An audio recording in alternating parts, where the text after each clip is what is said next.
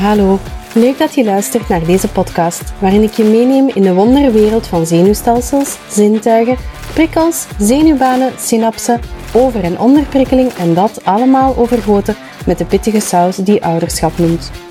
Ik ben Lien, doula, draagconsulente, maar bovenal ergotherapeut van het hart, intuïtie en wetenschap. Ik ben happily married met Tom, mama van drie jongens en dat ware levenslange leerder. En al die kennis wil ik graag met jullie delen. Welkom bij Prikkels en Dragen, de podcast.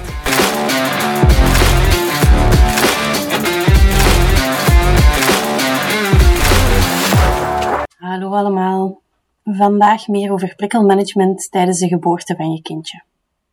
Een hele belangrijke, want wanneer je overprikkeld geraakt, maakt je lichaam cortisol aan, een stresshormoon. En dat willen we eigenlijk net niet tijdens de geboorte.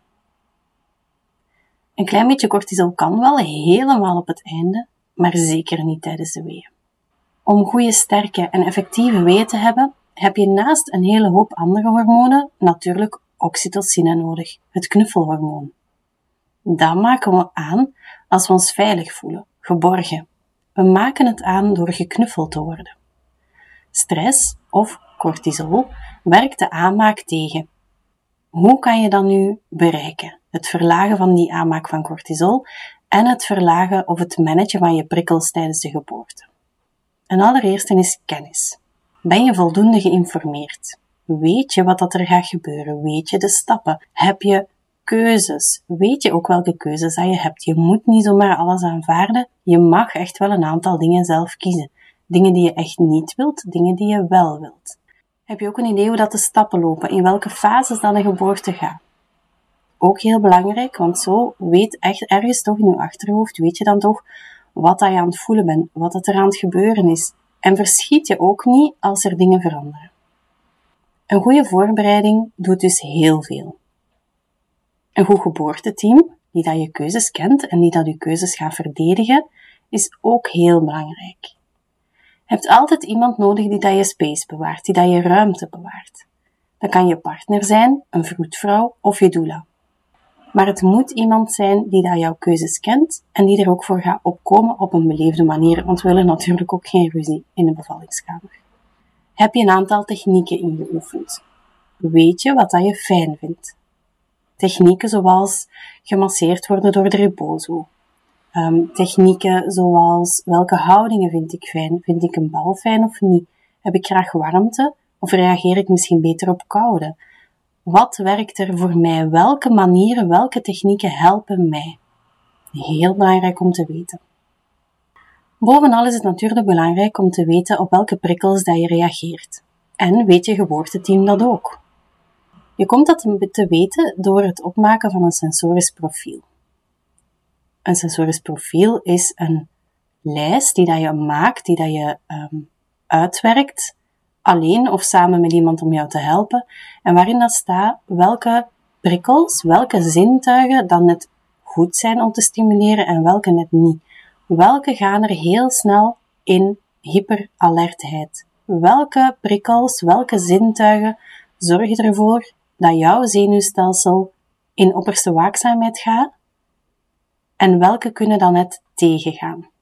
Als je dat weet, kan je bepaalde prikkels gaan inzetten tijdens de geboorte om net je alertheid te doen dalen. Nu, sowieso, je gaat al alert zijn, want een medicatieloze geboorte dan heb je natuurlijk wel een beetje ja, de pijn van, van de weeën. Die zijn er nu eenmaal.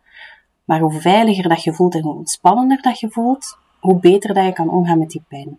Omdat er dan ook weer hormonen in gang schieten die dat je kunnen helpen. Natuurlijke pijnstillers. Ga je in stress, dan gaat dat niet. Dus hoe beter dat je weet welke prikkels, dat je, op welke prikkels je goed reageert, hoe meer dat je kan ontspannen. En hoe vlotter dat je geboorte gaat en hoe minder dat je de pijn ervaart, of hoe minder intens dat je de pijn ervaart. Ik geef een aantal voorbeeldjes. Het zijn random voorbeelden. Um, dat wil daarom niet zeggen dat die van jou van toepassing zijn, maar dan heb je een beetje een idee hoe dat we bepaalde zintuigen kunnen inzetten om jouw geboorte vlotter te laten verlopen, om dat voor jou een hele fijne herinnering te laten worden. Stel dat je heel goed reageert op geur dat dat voor jou iets helpend is. Wat dat je kan, kan doen, wat dat je dan kan doen, is op voorhand op zoek gaan naar een geurtje dat bij jou veiligheid oproept. Dat kan zijn bijvoorbeeld de geur van de aftershave van je echtgenoot, van je partner. Of de geur van um, het parfum dat je oma altijd droeg, waar dat je op elke vrijdagavond pannenkoeken ging eten. Um, de geur van de sauna. Omdat dat ontspant. Omdat dat een geur is waar dat je natuurlijk van ontspant. Eender wat. Zoek dat op voorhand uit en neem die geur mee als je gaat bevallen. Stel dat je weet dat je van ziekenhuisgeur, van die geur van ontsmetting, dat je daar eigenlijk een beetje ongemakkelijk van wordt. Dat je het daar lastig van krijgt. Dat, je, dat dat voor jou echt geen veilige geur is. Wat je dan kan doen, is zoeken naar een geur die dat die ziekenhuisgeur, die typische geur, overstemt. Je kan bijvoorbeeld pepermunt gaan gebruiken. Pepermunt is ook goed tegen misselijkheid, maar is ook een heel intense geur, die de andere geuren vaak ja, wegbluft, weg, weg overstemt. Zodanig dat je eigenlijk die geur van het ziekenhuis niet meer ruikt, maar enkel nog de pepermunt. Beide opties kunnen, en je kan bij allebei vragen aan iemand om jou die geur toe te waaien met een handwaaier bijvoorbeeld, of je kan een druppeltje op een doekje naar je kledij hangen. Ik zou nooit aanraden om de geur zelf direct op je kledij te doen, want als je die geur dan beu bent, of je reageert er toch niet op zoals dat je gedacht hebt, dan kan die geur niet weg als die op je kledij gedruppeld is. Dan moet al beginnen met andere kleren aandoen, ja, of ze uitdoen. Maar als je ze zou op een handwaaier doen en dan druppelen, of gewoon op een apart doekje en je doet dat met een paperclip of zo aan, de, aan je kraag van een t-shirt of van een kleedje, dan kan je dat ook gewoon heel snel weghalen. Zicht. Of het visuele. Ik ben grote voorstander om licht te dempen tijdens de weeën. Waarom? Oxytocine wordt aangemaakt in, gezellige, in een gezellige sfeer, in een gezellige ruimte. Fel licht van lampen of van fel binnenschijnende zon, tenzij dat je dat leuk vindt natuurlijk, gaat die aanmaak van oxytocine tegen. Zeker als je dan daar heel hard op reageert op fel licht.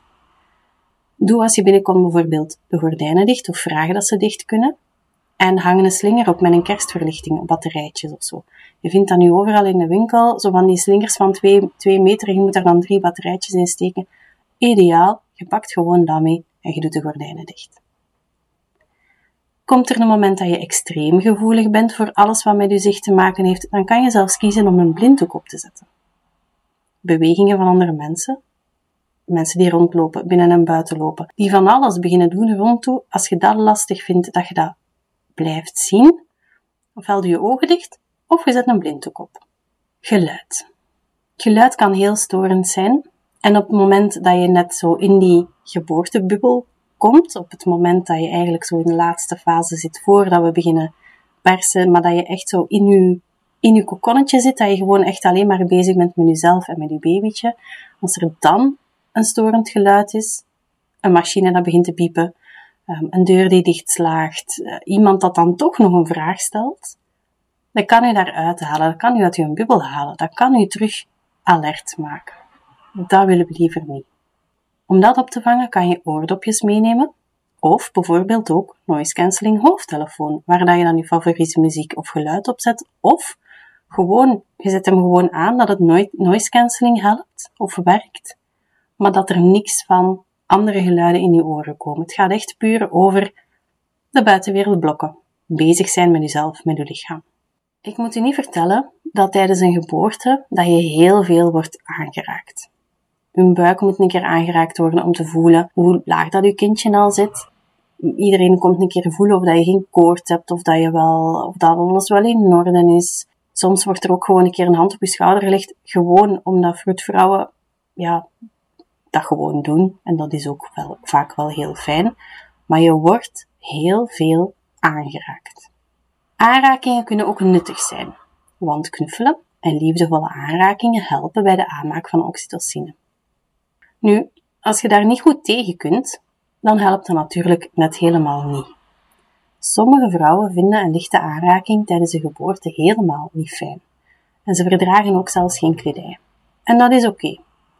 Als je dat niet fijn vindt of je weet van jezelf vanuit je prikkelprofiel dat je dat eigenlijk helemaal niet zo leuk vindt, dan moet je dat ten eerste ja, communiceren. En ten tweede, speelt daar gewoon je kleren uit. Geen probleem. Het hoort gewoon, dat is gewoon zo. De mensen rond u, die hebben u ofwel alleen uw blootje gezien, of ze zijn wel wat gewoon. Je kan ook natuurlijk vragen om aanrakingen aan te kondigen. Vraag op voorhand aan de vroedvrouwen, als er iets moet gebeuren aan mij, zeg mij dat dan eerst, zonder mij gewoon aan te kondigen en al helemaal niet als ik u niet gehoord heb. Dat is een heel onveilig iets. Heel belangrijk.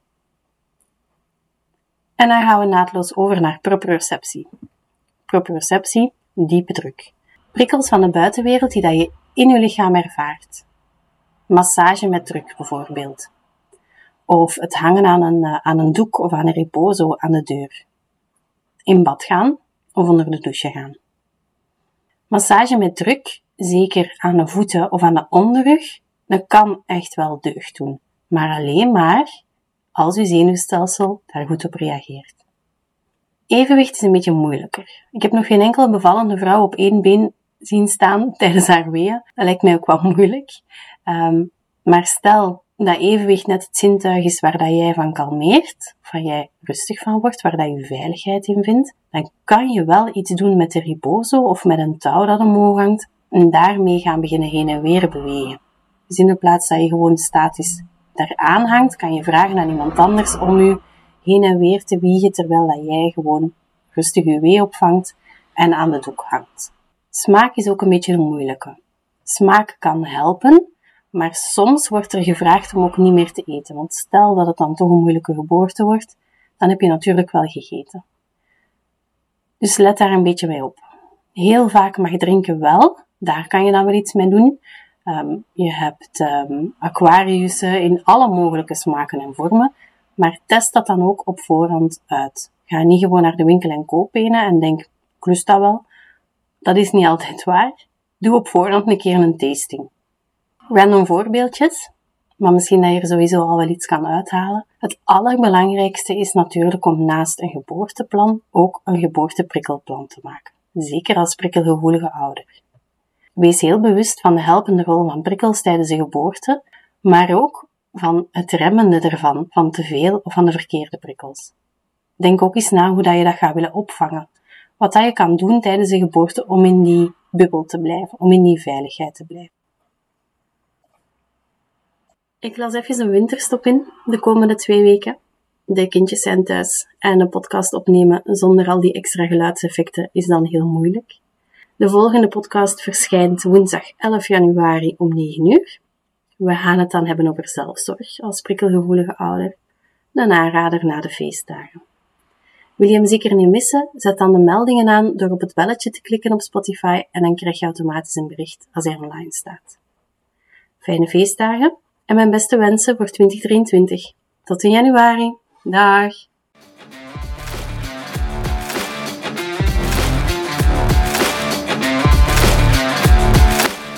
Dankjewel dat je luisterde naar deze aflevering van Prikkels en Dragen, de podcast. Vragen of reacties mag je steeds laten weten via de website www.prikkelsendragen.com of via de socials. Ken je iemand die baat zou hebben bij het luisteren van de podcast? Deel hem dan zeker. Groetjes en tot volgende week!